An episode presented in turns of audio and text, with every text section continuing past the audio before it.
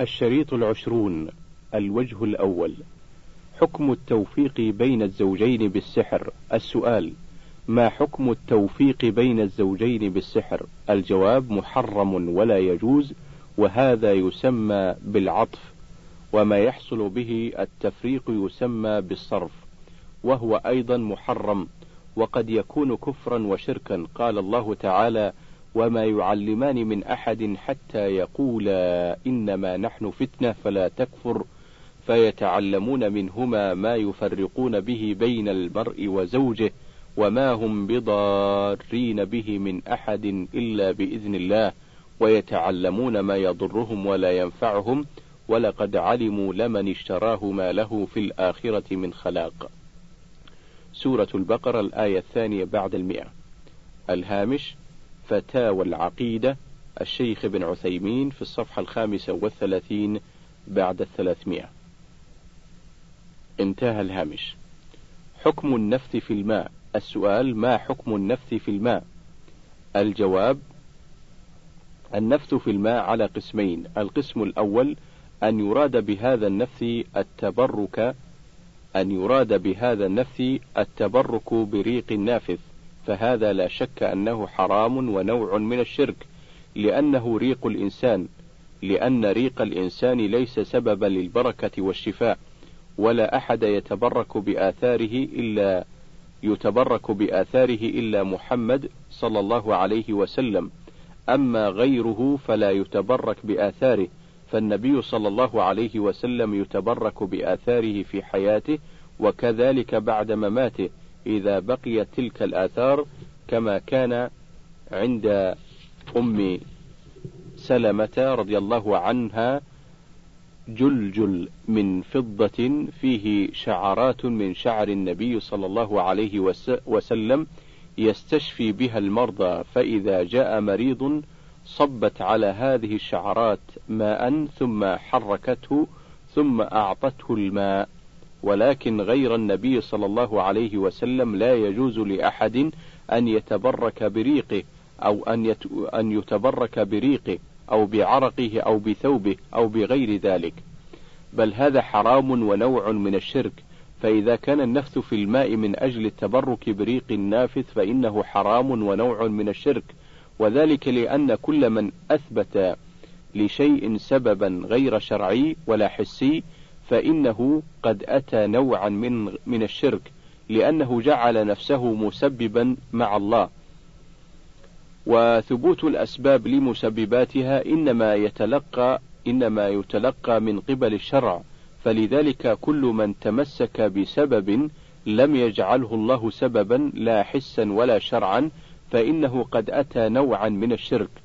القسم الثاني أن ينفث الإنسان بريق تلا فيه القرآن الكريم مثل أن يقرأ بالفاتحة والفاتحة رقية وهي من أعظم ما يرقى به المريض فيقرأ الفاتحة وينفث في الماء فإن هذا لا بأس به. وقد فعله بعض السلف وهو مجرب ونافع بإذن الله. وقد كان النبي صلى الله عليه وسلم ينفث في يديه عند نومه بقل هو الله أحد وقل أعوذ برب الفلق وقل أعوذ برب الناس فيمسح بهما وجهه وما استطاع من جسده. صلوات الله وسلامه عليه والله الموفق. الهامش رواه البخاري في الطب رقم خمسة آلاف وسبعمائة وثمانية وأربعين ومسلم في السلام رقم ألفين ومائة واثنين وتسعين. انتهى الهامش. معنى حديث إن الرقى والتمائم والتولة شرك. السؤال ما معنى الحديث إن الرقى والتمائم والتولة شرك؟ الجواب الحديث لا بأس بإسناده رواه أحمد وأبو داود من حديث ابن مسعود ومعناه عند أهل العلم إن الرقى التي تكون بألفاظ لا يعرف معناها إلا بأسماء الشيا أو بأسماء الشياطين أو ما أشبه ذلك ممنوعة. والتولى نوع من السحر يسمونه الصرف والعطف والتمائم ما يعلق على الأولاد عن العين أو الجن وقد تعلق وقد تعلق وقد تعلق على المرضى والكبار وقد تعلق على الإبل ونحو ذلك ويسمى ما يعلق على الدواب الأوتار وهو وهي من الشرك الأصغر وحكمها حكم التمائم.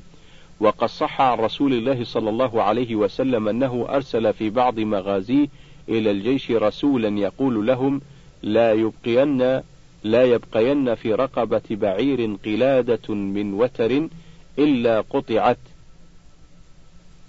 الهامش رواه البخاري في الجهاد رقم ثلاثة آلاف وخمسة ومسلم في اللباس رقم ألفين ومائة وخمسة عشر. انتهى الهامش. وهذا من الحجة على تحريم التمائم كلها سواء كانت من القرآن أو غيره. وهكذا الرقى تحرم إذا كانت مجهولة. أما إذا كانت الرقى معروفة ليس فيها شرك ولا ما يخالف الشرع فلا بأس بها.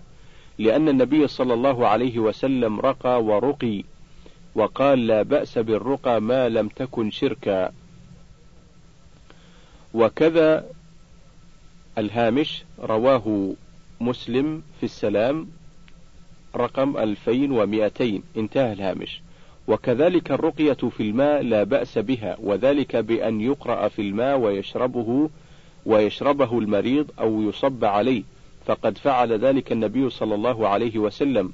فإنه ثبت في سنن أبي داود في كتاب الطب أنه صلى الله عليه وسلم قرأ في ماء لثابت بن قيس بن شماس ثم صبه عليه.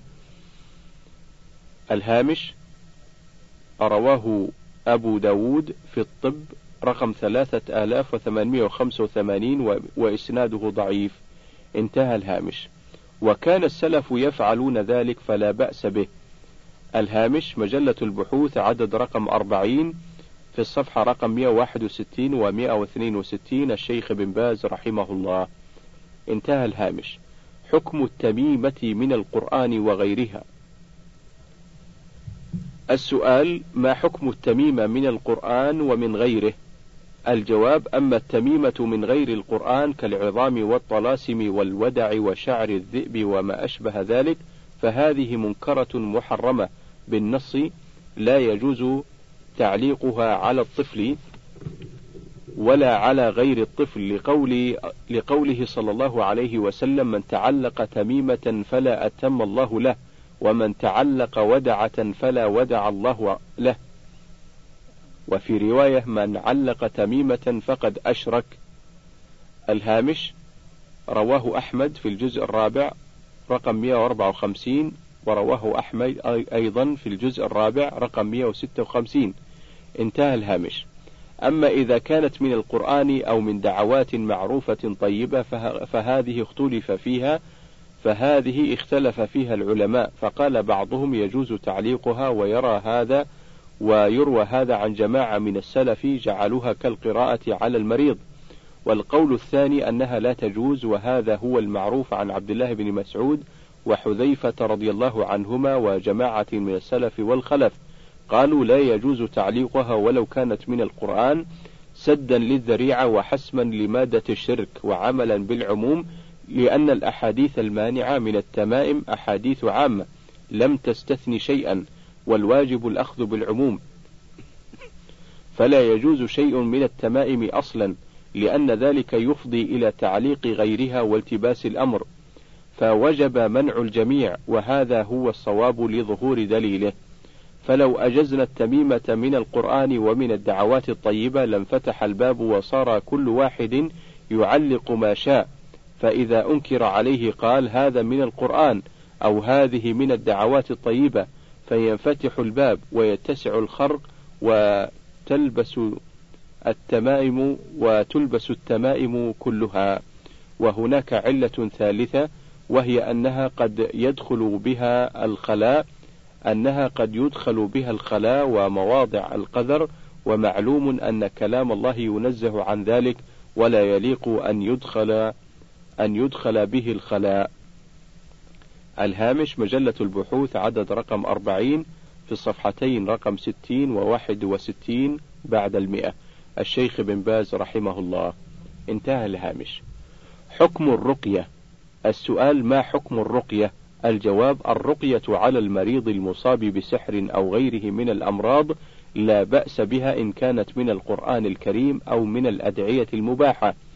فقد ثبت عن النبي صلى الله عليه وسلم أنه كان يرقي أصحابه ومن جملة من يرقى ما يرقاهم به ومن جملة ما يرقاهم به ربنا الله الذي في السماء تقدس اسمك أمرك في السماء والأرض كما رحمتك في السماء فاجعل رحمتك في الأرض أنزل رحمة من رحمتك واشفي من شفائك على هذا الوجع.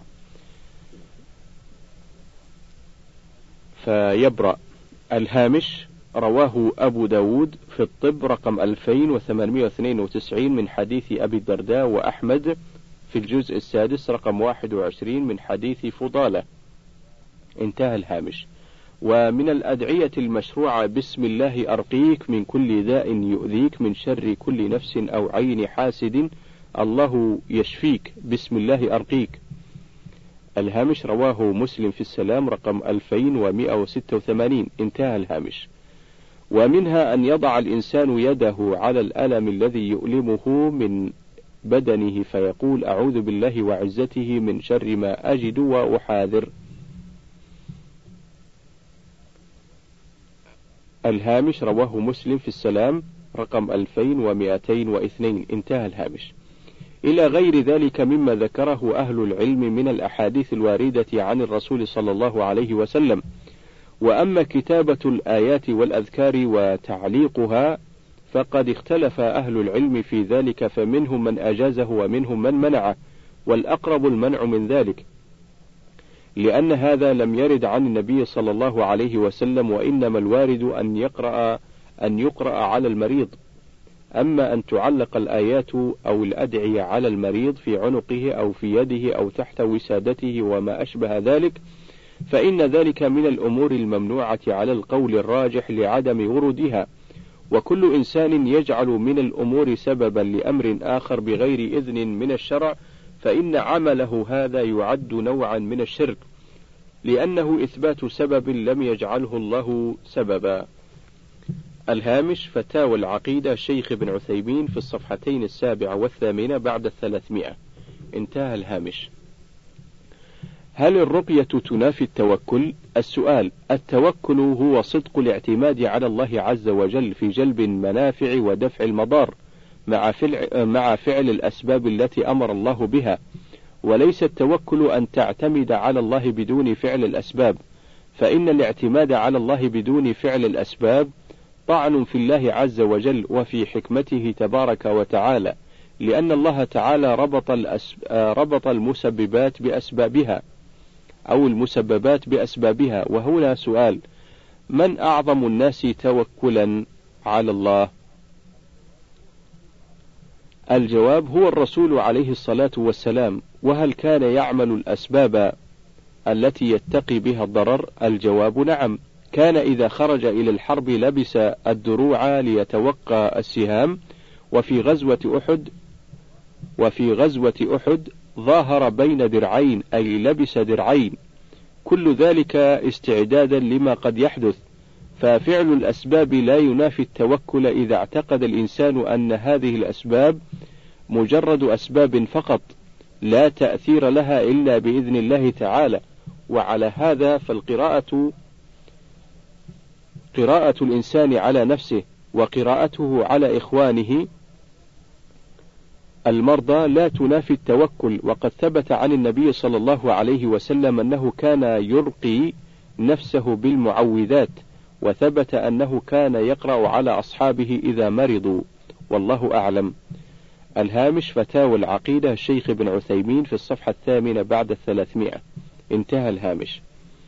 حكم تعليق التمائم والحجب. السؤال ما حكم تعليق التمائم والحجب؟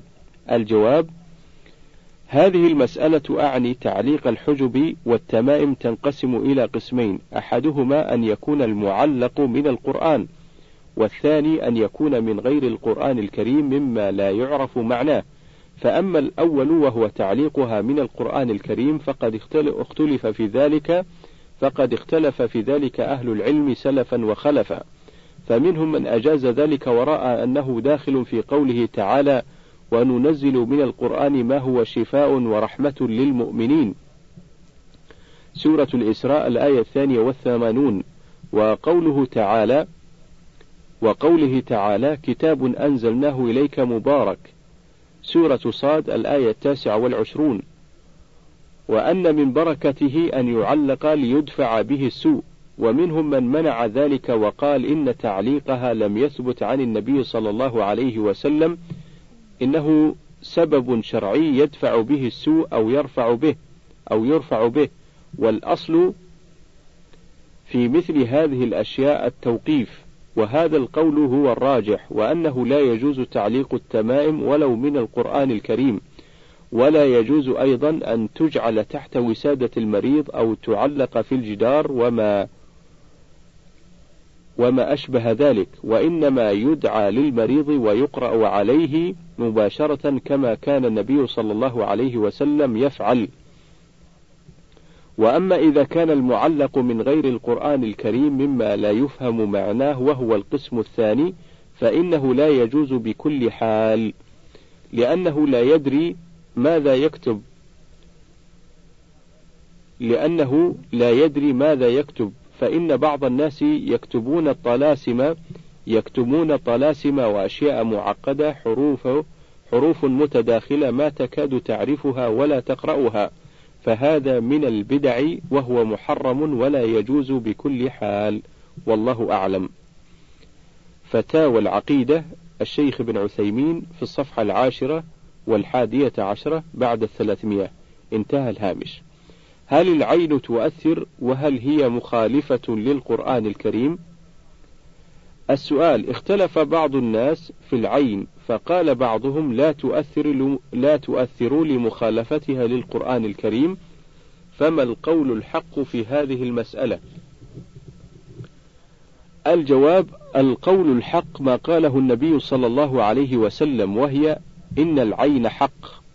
الهامش رواه البخاري في الطب رقم خمسة آلاف وسبعمائة وأربعين ومسلم في السلام رقم ألفين ومائة وسبعة وثمانين. انتهى الهامش. وهذا أمر قد شهد له الواقع ولا أعلم آيات تعارض هذا الحديث حتى يقول هؤلاء إنه يعارض القرآن الكريم. بل إن الله سبحانه وتعالى قد جعل لكل شيء سببا. حتى إن بعض المفسرين قالوا في قوله تعالى وإن يكاد الذين كفروا ليزلقونك بأبصارهم لما سمعوا الذكر سورة القلم الآية الواحدة والخمسون قالوا إن المراد هنا العين ولكن على كل حال سواء كان هذا هو المراد بالآية أم غيره فإن العين ثابتة وهي حق ولا ريب فيها والواقع يشهد لذلك منذ عهد الرسول صلى الله عليه وسلم إلى اليوم ولكن من أصيب بالعين فماذا يصنع؟ الجواب يعامل بالقراءة وإذا علم عائنه فإنه يطلب منه أن يتوضأ ويؤخذ ما يتساقط من ماء وضوئه ثم يعطى للمعاني يصب على رأسه وعلى ظهره ويسقى منه وبهذا يشفى بإذن الله. وقد جرت العادة عندنا أنهم يأخذون من العائن ما يباشر جسمه من اللباس مثل الطاقية وما أشبه ذلك ويربصونها بالماء ثم يسقونها المصاب. ورأينا ذلك يفيده حسب ما تواتر عندنا من النقول. فإذا كان هذا هو الواقع فلا بأس باستعماله لأن السبب إذا ثبت كونه سببا شرعيا أو حسا فإنه يعتبر صحيحا. أما ما ليس بسبب شرعي ولا حسي فإنه لا يجوز اعتماده. مثل أولئك الذين يعتمدون على التمائم ونحوها يعلقونها على أنفسهم ليدفعوا بها العين فإن هذا لا أصل له.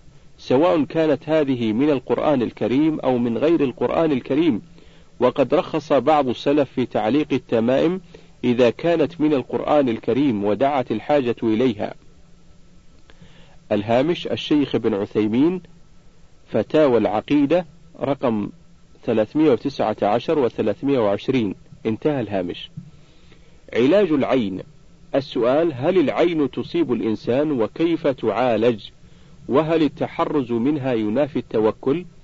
الجواب رأينا في العين أنها حق ثابت شرعا وحسا قال الله تعالى وإن يكاد الذين كفروا ليزلقونك بأبصارهم. سورة القلم الآية الواحدة والخمسون قال ابن عباس وغيره في تفسيرها إن أن يعينوك بأبصارهم. ويقول النبي صلى الله عليه وسلم العين حق ولو كان شيء سابق القدر سبقت العين. وإذا استغسلتم فاغسلوا. وإذا استغسلتم فاغسلوا. الهامش رواه مسلم في السلام رقم 2188 ومن ذلك ما رواه النسائي وابن ماجه أن عامر بن ربيعة مر بسهل بن حنيف وهو يغتسل فقال لم أرك اليوم ولا جلد مخبأة. فما لبث أن لبط به فأتي به رسول الله صلى الله عليه وسلم فأتي به رسول الله صلى الله عليه وسلم فقيل له أدرك سهلا صريعا. فقال من تتهمون؟ قالوا عامر بن ربيعة. فقال النبي صلى الله عليه وسلم على ما يقتل أحدكم أخاه إذا رأى أحدكم من أخيه ما يعجبه فليدعو له بالبركة. الهامش رواه مالك في الموطأ في العين رقم واحد وانظر ابن ماجه رقم 2509 وأحمد الجزء الثالث رقم 486 انتهى الهامش. ثم دعا بماء فأمر عامرا أن يتوضأ فيغسل وجهه ويديه إلى المرفقين وركبتيه وداخلة إزاره وأمره أن يصب عليه. وفي لفظ يكفأ الإناء من خلفه والواقع شاهد بذلك ولا يمكن إنكاره. وفي حالة وقوعها تستعمل العلاجات الشرعية وهي واحد القراءة. فقد قال النبي صلى الله عليه وسلم لا رقية إلا من عين أو حمى. الهامش رواه أبو داود في الطب رقم ثلاثة آلاف وثمانمائة وتسعة وثمانين. انتهى الهامش. وقد كان جبريل يرقي أو يرقي النبي صلى الله عليه وسلم فيقول بسم الله أرقيك من كل شيء يؤذيك من شر من شر كل نفس أو عين حاسد. الله يشفيك. بسم الله أرقيك. الهامش رواه مسلم في السلام رقم, رقم 2186 انتهى الهامش. اثنان الاستغسال كما أمر به النبي صلى الله عليه وسلم عامر بن ربيعة في الحديث السابق ثم يصب على المصاب. أما الأخذ من فضلاته العائدة من بوله أو غائطه فليس له أصل وكذلك الأخذ من أثره. وإنما الوارد ما سبق من غسل أعضائه وداخلة إزاره ولعل مثلها داخلة غترته وطاقيته وثوبه. والله أعلم. التحرز من العين مقدما لا بأس به ولا ينافي التوكل. بل هو التوكل لأن التوكل الاعتماد على الله سبحانه مع فعل الأسباب التي أباحها أو أمر بها. وقد كان النبي صلى الله عليه وسلم يعوذ الحسن والحسين ويقول أعيذكما بكلمات الله التامة من كل شيطان وهامة ومن كل عين لامة. ويقول هكذا كان إبراهيم يعوذ إسحاق وإسماعيل عليهم السلام. الهامش رواه البخاري في أحاديث الأنبياء رقم ثلاثة آلاف وثلاثمائة واحد وسبعين. الهامش أيضا فتاوى العقيدة الشيخ ابن عثيمين رقم 320 و 322 انتهى الهامش. حكم رؤية ومس عورة المريض من قبل الطبيب.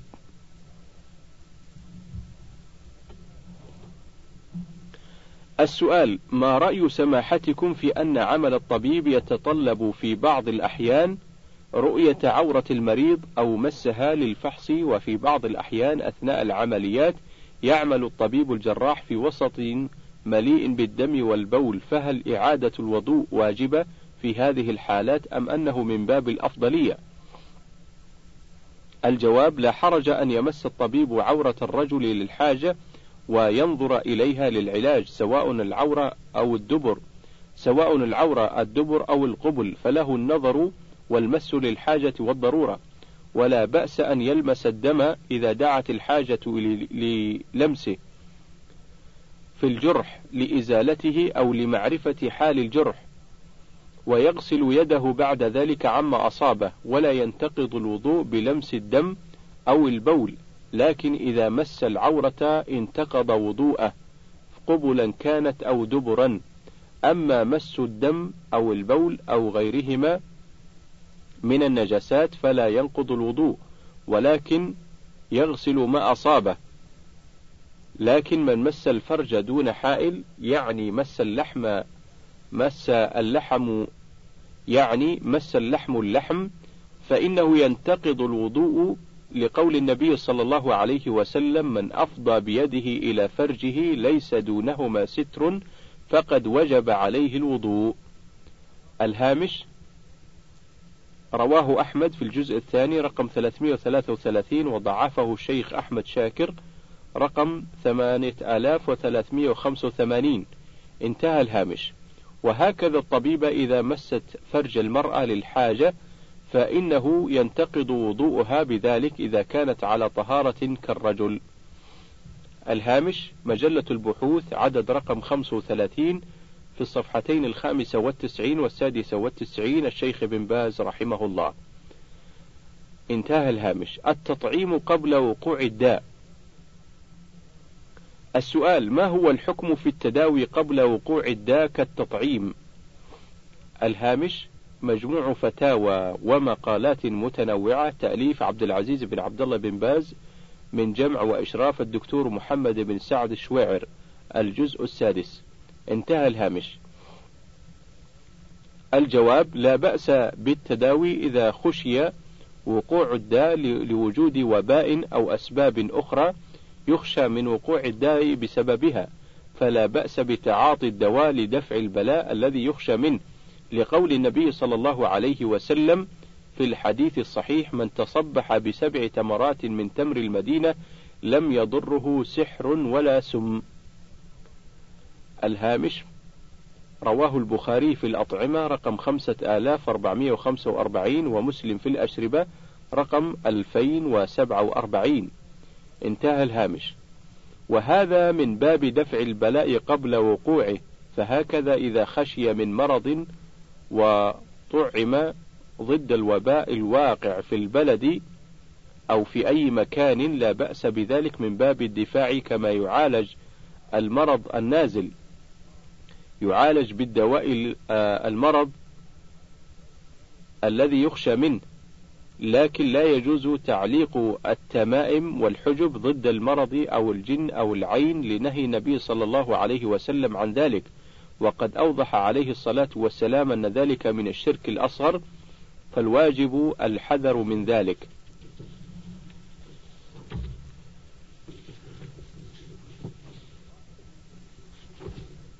القراءة في الزيت. السؤال ما رأيكم في القراءة في زيت الزيتون؟ وهل ممكن أن يقرأ في القارورة الواحدة أكثر؟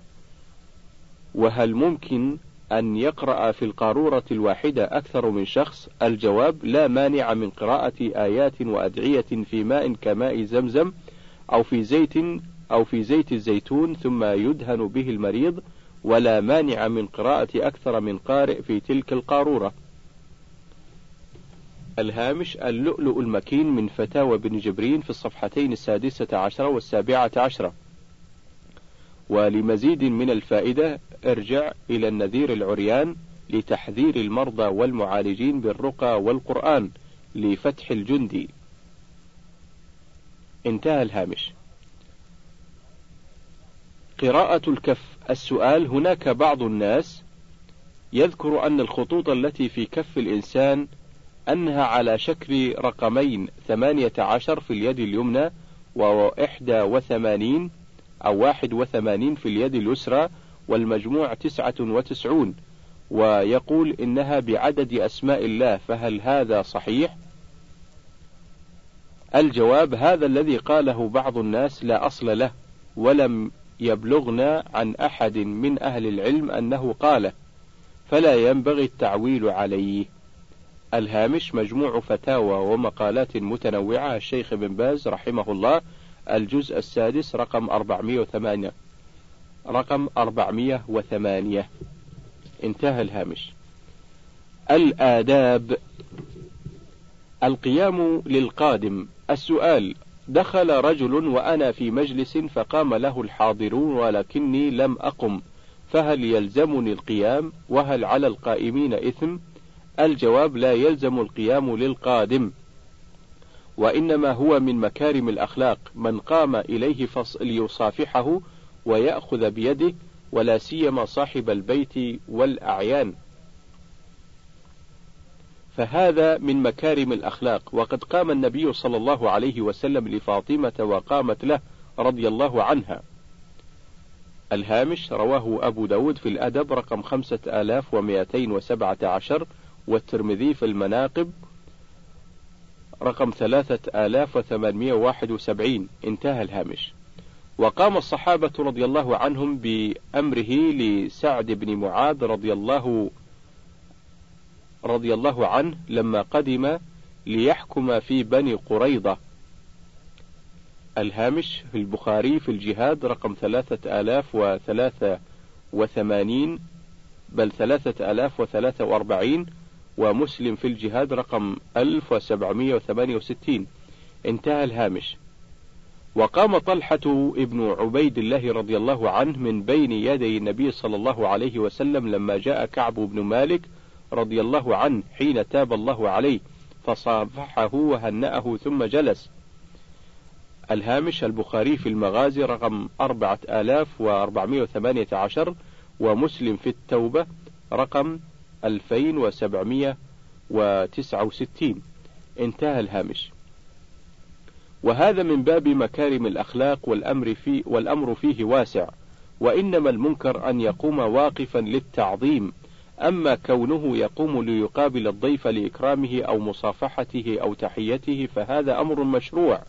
وأما كونه يقف والناس جلوس للتعظيم أو يقف عند الدخول من دون مقابلة أو مصافحة فهذا ما لا ينبغي وأشد من ذلك الوقوف تعظيما له وهو قاعد لا من أجل الحراسة بل من أجل التعظيم فقط والقيام ثلاثة أقسام كما قال العلماء. القسم الأول أن يقوم عليه وهو جالس للتعظيم كما تعظم العجم ملوكها وعظماءها كما كما بينه النبي صلى الله عليه وسلم فهذا لا يجوز. ولهذا أمر النبي صلى الله عليه وسلم أصحابه أن يجلسوا لما صلى بهم قاعدة أمرهم أن يجلسوا ويصلوا معه قعودا. الهامش على سبيل المثال ما رواه البخاري في الأذان رقم 689 ومسلم في الصلاة رقم 411 من حديث أنس. انتهى الهامش. ولما قاموا قال كدتم أن تعظموني كما تعظم الأعاجم رؤساءها. الهامش رواه مسلم بنحوه في الصلاة رقم 413 من حديث جابر. انتهى الهامش. القسم الثاني أن يقوم لغيره واقفا لدخوله أو خروجه من دون مقابلة ولا مصافحة بل لمجرد التعظيم فهذا أقل أحواله أنه مكروه. وكان الصحابة رضي الله عنهم لا يقومون للنبي صلى الله عليه وسلم إذا دخل عليهم.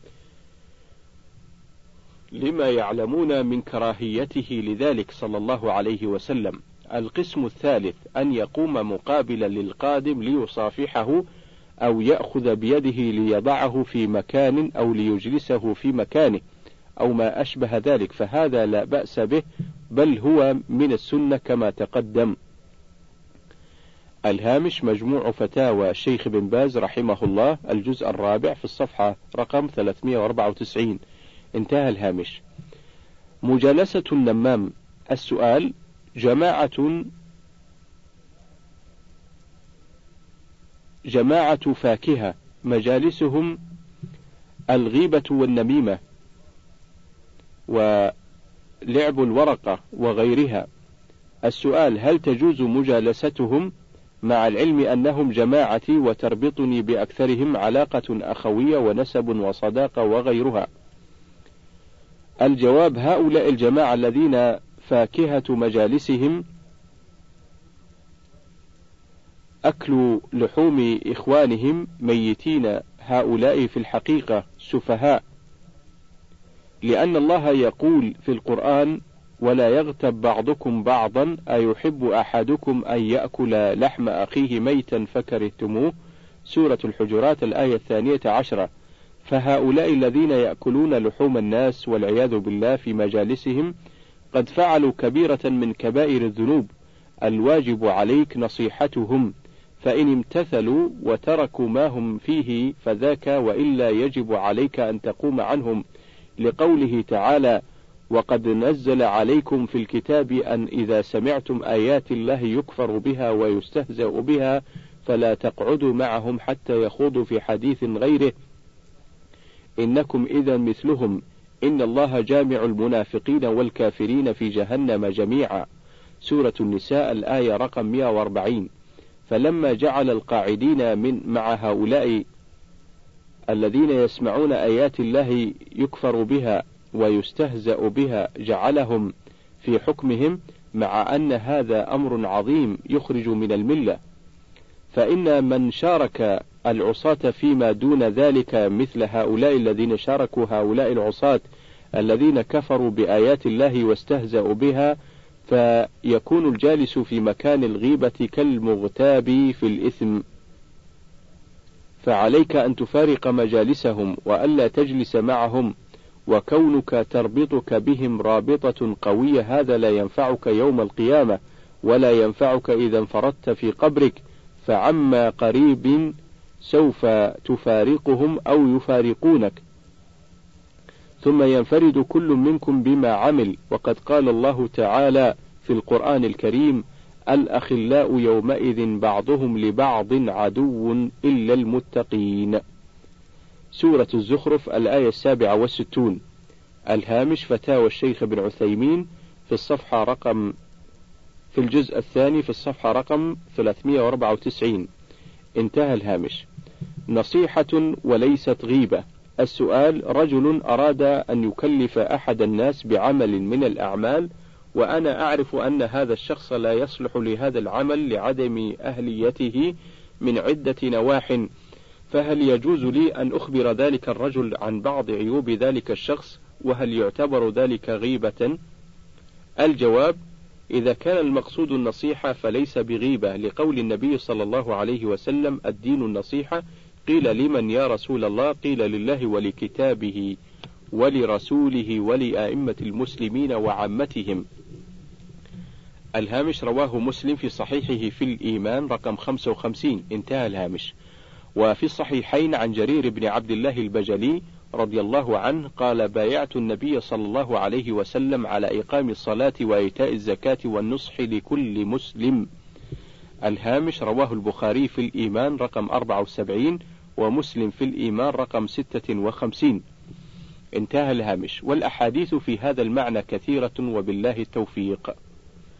الهامش مجلة الدعوة عدد رقم 1172 الشيخ بن باز رحمه الله. انتهى الهامش. الغيبة من أسباب الشحناء والعداوة.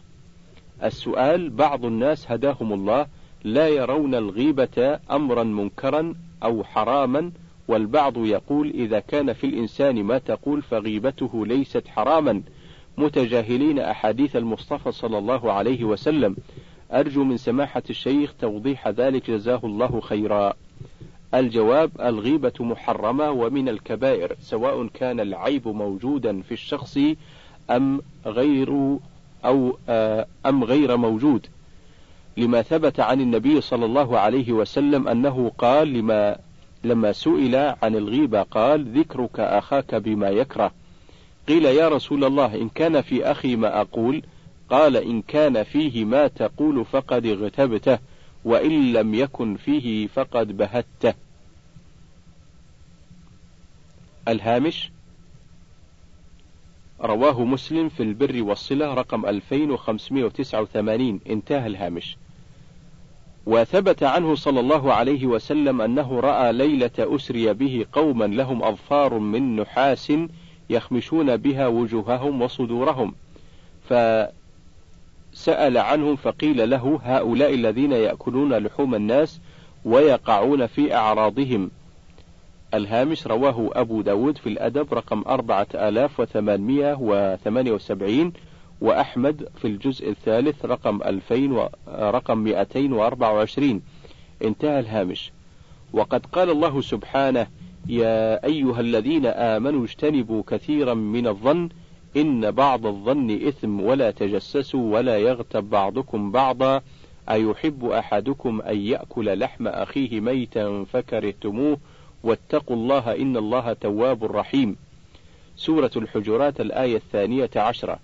فالواجب على كل مسلم ومسلمة الحذر من الغيبة والتواصي بتركها طاعة لله سبحانه ولرسوله صلى الله عليه وسلم. وحرصا من المسلم على ستر إخوانه وعدم إظهار عوراتهم ولأن الغيبة من أسباب الشحناء والعداوة وتفريق المجتمع. وفق الله المسلمين لكل خير. الهامش الشيخ بن باز مجلة الدعوة العدد رقم 1170 انتهى الهامش.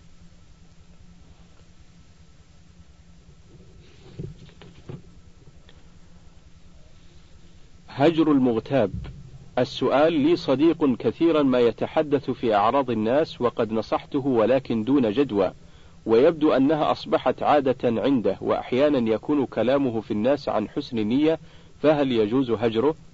الجواب الكلام في أعراض المسلمين بما يكرهون منكر عظيم ومن الغيبة المحرمة بل من كبائر الذنوب لقول الله سبحانه ولا يغتب بعضكم بعضا أيحب أحدكم أن يأكل لحم أخيه ميتا فكرهتموه؟ واتقوا الله إن الله تواب رحيم. سورة الحجرات الآية الثانية عشرة. ولما روى, ولما روى مسلم في صحيحه عن أبي هريرة رضي الله عنه عن النبي صلى الله عليه وسلم أنه قال أتدرون ما الغيبة؟ فقالوا الله ورسوله أعلم. فقال ذكرك أخاك بما يكره. قيل يا رسول الله. إن كان في أخي ما أقول قال إن كان فيه ما تقول فقد اغتبته وإن لم يكن فيه فقد بهته. الهامش رواه مسلم في البر رقم 2589 انتهى الهامش. وصح عنه صلى الله عليه وسلم أنه لما عرج به مر على قوم لهم أظفار من نحاس يخمشون بها وجوههم وصدورهم فقال يا جبريل من هؤلاء؟ فقال هؤلاء الذين يأكلون لحوم الناس ويقعون في أعراضهم. الهامش أخرجه أحمد في الجزء الثالث رقم 224 وأبو داود في الأدب رقم 4878 بإسناد جيد عن أنس رضي الله عنه انتهى الهامش. قال العلامة ابن مفلح إسناده صحيح. قال وخرج أبو داود بإسناد حسن عن أبي هريرة رضي الله عنه مرفوعا إن من الكبائر استطالة المرء في عرض رجل مسلم بغير حق. الهامش رواه أبو داود في الأدب رقم 4876 وأحمد الجزء الأول رقم 190 انتهى الهامش.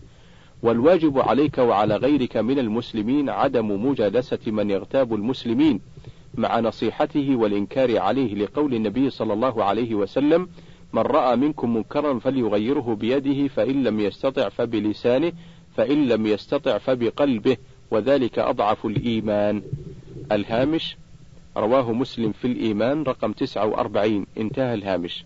فإن لم يمتثل فاترك مجالسته لأن ذلك من تمام الإنكار عليه. أصلح الله حال المسلمين ووفقهم لما فيه سعادتهم ونجاتهم في الدنيا والآخرة. الهامش فتاوى هيئة كبار العلماء الشيخ بن باز الجزء الثاني رقم 946 انتهى الهامش. وبهذا ينتهي الوجه الأول وننتقل إلى الوجه الثاني.